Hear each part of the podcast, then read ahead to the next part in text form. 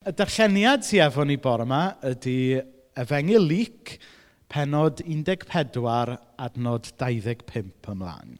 Roi tyrfa fawr o bobl yn teithio gyda Iesu. A dyma fe'n troi ati nhw a dweud, os ydy rhywun am fy ni, rhaid i mi ddod o flaen popeth arall yn ei fywyd. Rhaid i'w gariad ata i wneud i bob perthynas arall edrych fel casineb ei dad a'i fam, ei wraig a'i blant, ei frodyr a'i chwiorydd, ie, hyd yn oed bywyd ei hun, neu allai ddim bod yn ddisgybl i mi.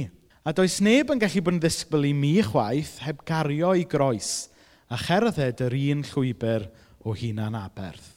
Doedd neb yn mynd ati adeiladu adeilad mawr heb eistedd i lawr yn gyntaf i amcan gyfru gost a gwneud yn siŵr bod ganddo ddigon o arian i orffen y gwaith.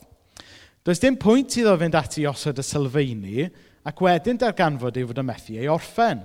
Byddai pawb yn gwneud hwyl ar ei ben ac yn dweud edrychwch dyna'r dyn ddechreuodd y gwaith ar yr adeilad acw a methu ei orffen.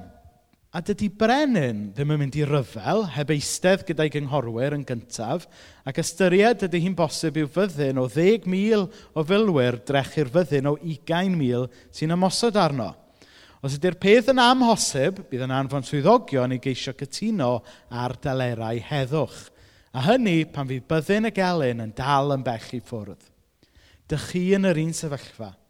Ac neb fod yn ddisgybl i mi heb roi heibio popeth arall er mwyn fy nilyn ni. Mae halen yn ddefnyddiol, ond pan mae'n colli ei flas, pawb a'i sydd i'w wneud yn hallt eto. Dydy e'n gwneud dim lles i'r pridd nac i'r domen dail rhaid ei daflu i ffwrdd. Gwrandwch yn ofalus os ydych chi'n awyddus i ddysgu. Dychmygwch fod yna wleidydd yn sefyll ar foc sebon ar y maes yng Nghynarfon i anerch torf ar fore dydd Sadwrn. A dyma mae'r gwleidydd yn dweud. Os wnewch chi bledleisio drosto fi, i chi yn pleidleisio i gochi eich cartrefi, i chi'n pleidleisio i gochi eich teuluoedd, i chi'n pleidleisio dros drethu uwch ond cyflogau llai, i chi'n dewis cochi popeth i chi'n hoffi. Felly, pwy sydd efo fi? Pwy sy'n mynd i bledleisio drosta i? Wel, bydde y cofis ddim yn rhy impressed gyda gwleidydd fydde'n cyhoeddi rhyw fanifesto fel na. Pwy ar wyneb deiar bydde'n dewis cefnogi arweinydd oedd yn dweud hynny?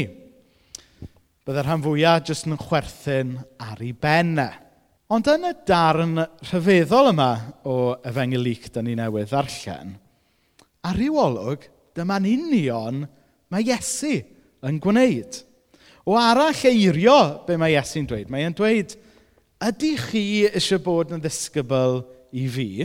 Wel, os i chi eisiau bod yn ddisgybl i fi, mae'n rhaid chi ddysgu casau eich teulu, cael gwared o'ch hoch eiddo a pharatoi i wynebu marwolaeth hyll a chas. Dyw e ddim yn ymddangos ar yr olwg gyntaf fel tacteg arbennig o dda gan Iesu i ennill ffrindiau ac ennill dylanwad dros bobl. Ar yr olwg gyntaf, i chi'n lli dychmygu disgyblion Iesu fel, o, oh, diar annol. Mae angen i ni wneud bach o PR job fan hyn. Dydy'r Iesu yma ddim di deall sut mae ennill poblogrwydd a sut mae rhannu ag ennill ffrindiau. Ond gadewch i ni droi y peth ar ei ben. Yn ytrach na meddwl am Iesu fel gwleidydd sy'n trio ennill poblogrwydd, gadewch i ni feddwl am Iesu fel anturiaethwr. Anturiaethwr sy'n arwain taith hir a pheryglus trwy'r mynyddoedd i fynd â gofal meddygol i rhyw bentre sydd wedi cael ei dorri ffwrdd gan storm ddifrifol. Mae'r anturiaethwr yn chwilio am bobl i ymuno gyda uh, i fisiynau, i fynd trwy'r mynyddoedd, i achub y bobl yma. A mae e'n dweud fel hyn, drychwch, os ydych chi eisiau dod ymhellach ar y daith yma, bydd angen i chi adael eich rycsacs tu ôl, achos mae'r llwybr sydd o'n blaen ni yn un cil ac yn un anodd ac yn un serth. Bydde fe'n syniad i chi hefyd ffonio y rhai sy'n anwyl i chi, achos o bosib fydd ddim pob un ohono ni'n cyrraedd pen y daith yma, fel hyn.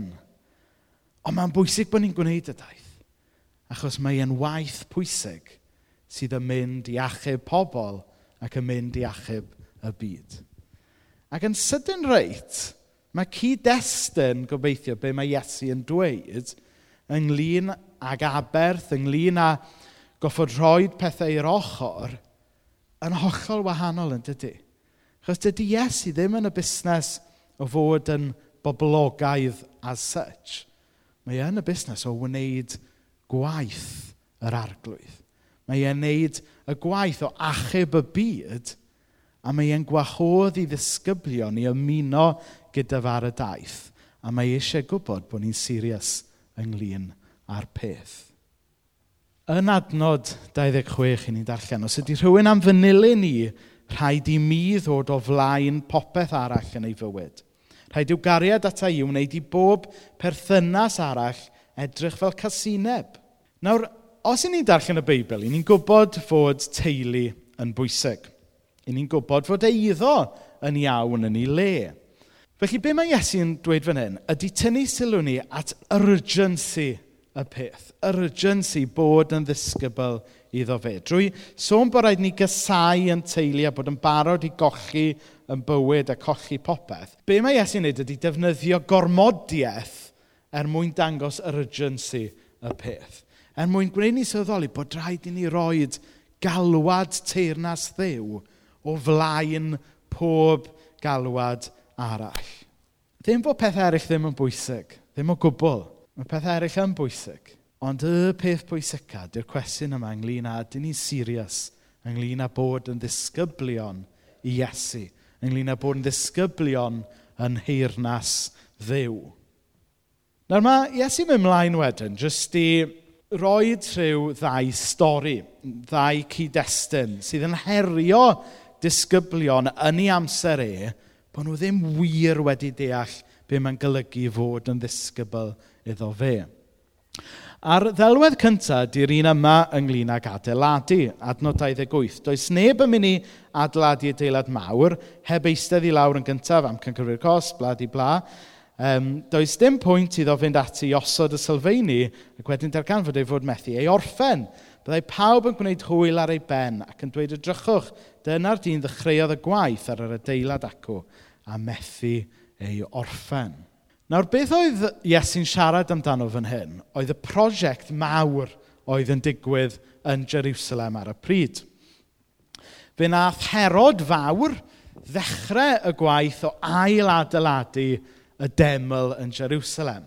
Ac oedd e'n sort of ail-adeiladu'r deml mewn ffordd, be maen nhw'n dweud yn Saesneg, oedd, oedd bod wedi beautify citio'r deml – Neu sut fysen ni'n dweud heddi bod e'n sort of di chafio fo fyny, tybod? di blingio fo fyny. Tybod, bod e'n bod e gwneud y peth, bod e'n... Ac wedyn oedd i ddisgynyddio yna wedi cario ymlaen gyda'r gwaith yma o ailadladu y deml yma. Hynny yw, oedd nhw yn meddwl drwy adeiladu y deml fawr yma, mae dyma sut oedd bod yn ddisgyblion i'r arglwydd. Oedd trwy wneud yr allanolion – Gwneud y pethau tu fath, Cael eich gweld yn wneud pethau. So yn wrthi yn adladu y deml fawr swanc blingi yma. Ond oedd Iesu yn barod wedi rhybuddio nhw bod e yn y busnes o adeiladu teml wahanol. Yn y fengil Ioan, ni'n darllen fel hyn. Dinistriwch y deml hon a gwna i ei hadeiladu hi eto o fewn tri diwrnod. A tebodd yr arweinwyr y ddewig, mae'r deml wedi bod yn cael ei adeiladu ers 46 mlynedd. Wyt ti'n mynd i'w hadeiladu mewn tri diwrnod? Ond y deml oedd Iesu'n sôn amdani oedd ei gorff. Ar ôl i Iesu ddod yn ôl yn fyw, cofiodd ei ddisgyblion i fod wedi dweud hyn, a dyma nhw'n credu'r ysgrifau sanctaidd a beth wedodd Iesu. So'r camgymeriad cyntaf nhw'n wneud yn amser Iesu oedd bod nhw'n meddwl bod bod yn ddisgybl, bod adeiladu teyrnas ddiw ynglyn â llythrenol adeiladu adeiladau. Gwneud pethau allanol, cael eich gweld yn bod yn ddisgybl. A chi'n gwybod be? Da ni fel Cymru, yn arbennig yn oes Victoria, da ni wedi llithro mewn i hyn, yn dydyn. Da ni wedi adeiladu yr plastau Victorianedd yma gyd dros yn gwlad. A meddwl mai dyna oedd swm a sylwedd bod yn ddisgybl i Iesu. Ond y gwir deml ydy Iesu Grist i hun. Bod yn wir ddisgybl ydy mynd i'r deml yna, mynd at Iesu. Ac wrth gwrs, yn drist iawn, ffoli mewn ffordd oedd teml Herod. Mae yna ffoli a ar yr um, mynydd bach tu allan Cynarfon y does, y castell bach na. Lawr yn sir gar, lle mae Mena'n dod, chi'n gyfarwydd efo Tŵr Paxton, pobl o'r ardal yna. A'r hanner, a beth ydy Tŵr Paxton? Di rhyw ffoli sydd ar fynydd a ddim yn bell o lle gath Mena i magu. A'r stori tu ôl hwnna yw fod yr arglwydd yma'n rhedeg i fod yn aelod seneddol dros Gerfyrddin. Ac oedd e wedi addo i bobl, os newch chi fwtio i fi, na i adladu pont dros yr afon tywi. Ond nath pobl cyfyrddin prydleisio i'r person arall. A wedyn, allan o spait, nath yr arglwydd yma ddefnyddio'r arian basaf wedi iwsio i adladu'r bont, jyst i godi'r ffoli mawr yma yn lle. Ac i ryw raddau, dyna mae Iesu'n dweud fan hyn. Ffoli ydy adeiladu yn cystych a'n temlau ni. Y gwir deml ydy Iesu ei hun. Ac at y deml yna i ni'n cael y fraint o fynd fel disgyblion. A wedyn, yn y flwyddyn 70, ar ôl Crist, fe nath y deml a Jerusalem gyfan gael ei ddinistrio. Ond oedd y gwir deml, Iesu Grist, wedi atgyfodi. Dyna'r ail ddelwedd mae Iesu mynd mlaen i sôn amdano, ydy hwn ynglyn â rhyfel. A dydy Brenin ddim yn mynd i ryfel heb eistedd gyda'i gynghorwyr yn gyntaf. Ac ystyried ydy hi'n bosib i'w fyddin o 10,000 o filwyr drechu'r fyddin o 20,000 sy'n ymosod arno. Os ydy'r peth yn amhosib, bydd yn anfon swyddogion i geisio cytuno ar dylirau heddwch, a hynny pan fi byddin y gelyn yn dal i bell i ffwrdd. Dych chi yn yr un sefyllfa, all neb fod yn disgwyl i mi heb roi heibio popeth arall er mwyn fanylu ni. Nawr ar y pryd, oedd lot o bobl Israel, oedden nhw'n resentful iawn ynglyn â'r rhyfeiniad. Yn debyg, os cael feiddio dweud, ynglyn â agwedd llawer ohono ni Gymru yn erbyn pobl o Loegr. Rhyw fath o rhyw agwedd calon sy'n... lle mae yna anghyfiawnder, ond bron bod yr anghyfiawnder yna wedi mynd yn gasineb. Mae'n iawn i fod yn grac le mae anghyfiawnder yn cymryd lle. Mae yna fath beth a um, llid gyfiawn yn does. Ond weithiau mae, mae anghyfiawnder yn lle troi yn bitterness ac yn gysineb. Ac oedd hwnna'n wir yn amser Iesu. Oedd lot o'r iddewon wedi magu rhyw ysbryd cas yn erbyn y rhyfeiniad. Ac felly, oedden nhw wedi gobeithio am rhyw fath o Owain Glyndŵr type figure i ddod i arwain rhyfel yn erbyn uh, rhyfeiniad. Hynny yw, oedden nhw wedi rhoi i gobaith mewn rhyw fath o ennill rhyddid gwleidyddol neu milwrol. Ac felly dyna pan bod Iesu'n rhybuddio nhw fan hyn eto ynglyn â'r ffoli o roed i gobaith nhw mewn byddinoedd. Roed i gobaith nhw mewn ennill rhyfel. Ac yn fan hyn, wrth gwrs, ni'n gweld hyn i gyd ddod i ben pan ath Jerusalem a'r deml a bopeth gael ei ddinistrio wrth i fyddin rhifain ddinistrio y ddinas yn llwyr. Nawr tybed, nawr dwi'n gobeithio bod neb yn hyn fod yn planio rhyw fath o gwrthryfel mawr a bod gennych chi bombs dan y grisiau neu rhywbeth. Um, Mae'n hawdd i ni feddwl bod bod yn ddisgybl i, i Iesu ydy gwneud rhywbeth. Mae bod yn ddisgybl i Iesu ydy codi rhyw fath o ymgyrch neu rhyw rhyfel, dim llyf, rhyfel llyffrennol. Ond bod yn ddisgybl i Iesu ydy adnabod Iesu a gadael i werthoedd e ddod allan o'n calon a'n bywyd ni. Na mae ym ymlaen wedyn i ddweud be mae bod yn ddisgwyl i Iesu fod fel. Mae halen yn ddefnyddiol, ond pan mae'n colli ei flas, pa wbaith sydd i wneud yn hall eto. Dydy e'n gwneud dim lles i'r prif nac i'r domen dail, rhaid ei daflu i ffwrdd. Nawr mae blas distinct iawn i halen, yn does? Chybod, os allwch chi... Dwi'n gwybod, ydych chi roed i roed fatha halen yn eich coffi by mistake neu rhywbeth. Mae'n siŵr bod ni gyd wedi wneud hwnna rhywbryd. Ydych chi jyst yn gwybod yn syth yn dydech. Mae rhywbeth ddim yn iawn fan hyn.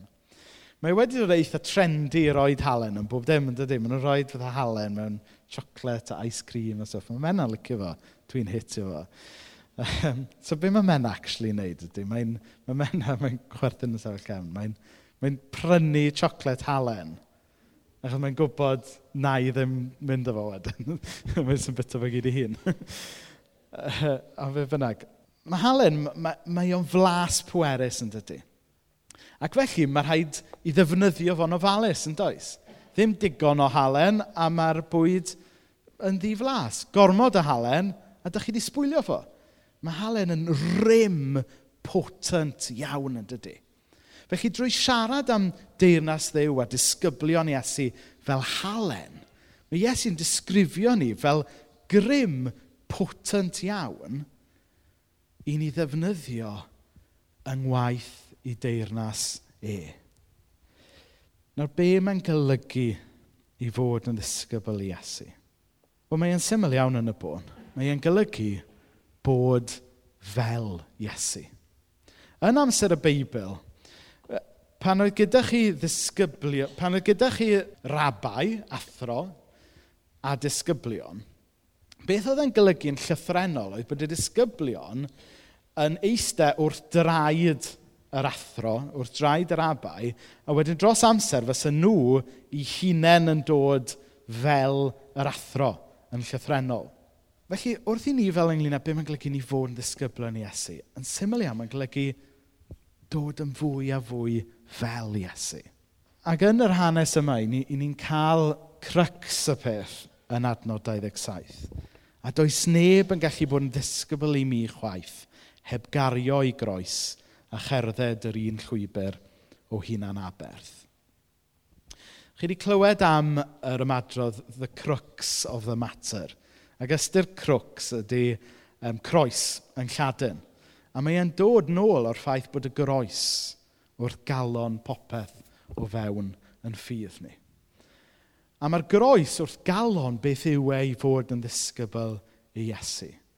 Sef yn bod ni yn dilyn yr un llwybr a gerddodd e fe. Ac wrth gwrs, yn llygyd y byd, oedd Iesu yn loser. Nath e farw ar groes rhyfeinig, fel cannoedd o droseddwyr tebyg iddo fe. Yn ngolwg y byd, y bobl fawr yn y deml oedd y bobl pwerus. Yng ngolwg y byd, y rhyfeiniad gyda'i byddin mawr oedd yn ennill. Ond oedd Iesu yn ennill buddigoliaeth wahanol. Oedd e'n troi y byd yma ben i weired. Ar y groes, fe nath e dynnu y carpet dan draed holl bwerau y byd yma. A nath e ddangos ffordd wahanol o godi teirnas. A mae e'n gwahodd pob un ohono ni i fod yn ddisgyblion yn y deirnas yna gyda Tristan yn rhannu efo fi chydig fusoedd yn ôl, bod o bron yn rhy hawdd i ni fel disgyblion i Iesu yng Nghymru heddiw. Da ni ddim yn cael yn herlyd as such, falle bod rhywun yn neu hwyl ar ben yn ffydd ni weithiau, ond da ni, ni ddim wir yn cael yn herlyd, na dan. Rhan fwy ohono ni'n byw bywyd digon cyfforddus yn faterol, hynny yw bod yr alwad yma o aberth yn y daith o ddilyn Iesu ddim wastad mor potent y dylai fe fod yn yn bywyd ni fel Cresnogion yng Nghymru heddiw. Ac felly, dwi am orffen bore yma drwy sôn am uh, hanes gŵr o'r enw, enw Dietrich Bonhoeffer. Mae'n 80 mlynedd ers cychwyn yr ail rhyfel byd eleni. Chi'n cofio Dennis? Oedd e'n gyfnod tywyll, mae'n siŵr, cyfnod o ofn mawr. A mae yna lot o raglenni ar y, ar y BBC ar hyn o bryd yn, yn nodi yr 80 mlynedd. A dwi wedi bod yn dilyn cyfres o'r enw Rise of the Nazis. Chyfod? Gwylio ysgafn nos adon yn tu ni. Ond mae'n rag, raglen bwysig ac yn raglen ddiddorol, achos mae'n edrych sut llwyddodd Hitler i droi gwlad rydd, ddemocratedd rhyddfrydol yn unbeniaeth filwrol mewn dim o dro. Ond beth sy'n ddiddorol i ni fel Cresnogion yw wrth weld sut oedd Cresnogion yn byw i ffydd yng ngoleini myrodraeth yn atied, da ni'n gallu cael snapshot i beth oedd e i'r Cresnogion amser y Beibl i fyw i ffydd yng ngoleini'r ymyrodraeth Rufeinig. Yn drist iawn yn hanes yr Almain, fe wnaeth llawer o arweinwyr yr eglwys gyfaddawdu. Dyma nhw'n plygu glin o flaen Hitler yn hytrach na plygu glin o flaen Iesu. A mae'n hawdd iawn i ni farnu hynna, edrych lawr ar hynna, ond be fydden ni'n neud? Chybod, os byddai rhywbeth tebyg yn dod ar traws ni. Ond, mae'r llyfrau hanes hefyd yn sôn am eglwysu a Cresnogion na ddim plygu glin o flaen Hitler. A nath fod yn ffyddlon fel disgyblion i Iesu. Ac wrth gwrs, yn y cyfnod yna, mi oedd cario i groes a cherdded yr un llwybr o hunan aberth. Oedd e'n golygu rhywbeth go iawn. Oedd e wir yn golygu aberth i'r bobl yma. A fe nath y gŵr yma Dietrich Bonhoeffer dalu y pris mwyaf drwy gochi i fywyd ei hun. Ond wrth gwrs, nath e ddim wir cochi i fywyd ei hun, naddo. Oherwydd oedd y gwir fywyd bywyd efo Iesu yn fyw yn ei galon e. Ac oedd Dietrich Bonhoeffer yn dweud bod Cresnogion wedi mynd i drin gras dew yn rhy rhad, rhy, rhy chep, chi'n gwybod. Bod ni rhywbeth yn meddwl, wel, bod dew wedi prynu rhyddid i ni am ddim ar y groes. Ac felly bod ni nawr jyst yn gallu cario ymlaen i fyw bywyd fel tas y dim byd wedi digwydd. Ond wrth gwrs, y peth efo gras Dyw, mae e'n dod i ni am ddim, ond dydy e ddim am ddim go iawn. Iesu sydd wedi talu'r pris. Oedd e yn ddryd i rywun, Iesu. Mae e'n dod i ni am ddim. Felly mae bon offer yn trafod ynglyn â bod ni wedi mynd i ddibrisio gras Dyw. Achos bod ni ddim yn gwerthfarogi y pris mae Dyw wedi talu i roed rhyddid i ni. A mae e'n siarad felly am ras sydd yn costio. Such grace is costly because it calls us to follow. And it is grace because it calls us to follow Jesus Christ. It is costly because it costs a man his life. And it is grace because it gives a man the only true life. It is costly because it condemns sin, and grace because it justifies the sinner. Ac y mywyd Dietrich Bonhoeffer a llawer o grisnogion yr Almain oedd yn ffyddlon yng ngwyneb Hitler, i ni yn gallu gweld be mae'n golygu i fod yn wir disgybl i Iesu. Ddim bod fi eisiau gwneud chi bore yma i deimlo'n ddrwg, chyfod, ond mae eisiau bob un ohono ni brosesu be mae hwnna'n golygu i ni yn does. Beth ynglyn â'n bywyd cyfforddus sydd angen cael ei disturbio? Beth ynglyn â'r alwad i ddilyn Iesu sydd angen i ni ddilyn? Mae Iesu yn yn galw ni, nid i fod yn losers a nid i fyw bywyd negyddol, mae e'n galw ni fyw bywyd o antur yn dilyn yr un llwybr a mae e wedi gerdded i achub y byd. Nawr, da ni jyst mynd i godi ar yn traed nawr a ni'n mynd i gael cyfnod o weddi jyst i brosesu peth o hyn. So, okay? Eich gwahodd chi godi ar eich traed. O ddiw dad, da ni yn diolch bod ti wedi prynu yn rhyddid ni drwy dy werthfawr waith ar y groes. O ddiw dad, i gofyn i ti fadde ni am drin hwnna yn rhy ffwrdd â hi. Am jyst derbyn rhodd maddeiant bron a bod jyst cer ymlaen i fyw wedyn fel tas y dim byd wedi digwydd neu dim byd wedi newid. Maddau ni am drin dyrasti yn rhad ac yn siep. O ddiw dad, i ni'n diolch bod ti yn yn galw ni, nid i ysden ôl, ond wyt ti'n galw ni fod yn disgyblion i ti. O ddiw dad, anfon yr ysbryd glân er mwyn i ni allu codi fel eglwys ac ateb yr her i fod yn disgyblion i ti wrth dy weld ti o ddiw dad yng nghanol y byd yma yn torchi dy lewis, yn helpu'r tlawd, yn achub yr rhai sydd ar goch hebddo ti. Gad i ni fod yn rhan o'r antur yna gyda ti. Gad i ni fod yn barod i adael pethau ar ôl er mwyn bod yn rhan o waith dy deyrnas di. O ddiw dad, i ni'n diolch i ti am y Cresnogion dros y canrifoedd – lle mae ffyddlondeb nhw i ti wedi bod mor glir. I ni'n diolch i ti am y Cresnogion hynny yn yr Almain yn ystod yr ail rhyfel byd oedd yn ffyddlon ac yn gwrthod plygu glin ger bron Hitler ac yn ffyddlon i ti. O ddiw dad, i ni'n diolch i ti am y Cresnogion yna sydd mewn rhannau o'r byd heddiw yn byw dan ISIS a gwahanol yng Ngogledd Corea, gwahanol wledydd eraill hefyd o ddiw dad. Lle mae bod yn ffyddlon i ti yn golygu bod nhw'n rhoi i bywyd mewn perygl. O ddiw dad, bydd gyda nhw. Cryfhau ffydd nhw, gwarchod nhw o ddiw dad. Ac i ni yma yng Nghymru, yng Nghymru gyfforddus o ddiw dad. Lle i ni meddwl falle bod ni fel Cresnogion a'r Eglwys wedi cochi yn min fel petai. Wel, o ddiw dad, i ni'n gofyn i ti yn disturbio ni mewn ffordd dda o ddiw dad ni'n gofyn i ti ddod a galwad radical bod yn ddisgybl nôl yn da ni'n cael onnen ni o ddiwdad. Arglwydd, dyma fi, ar dy alwad di.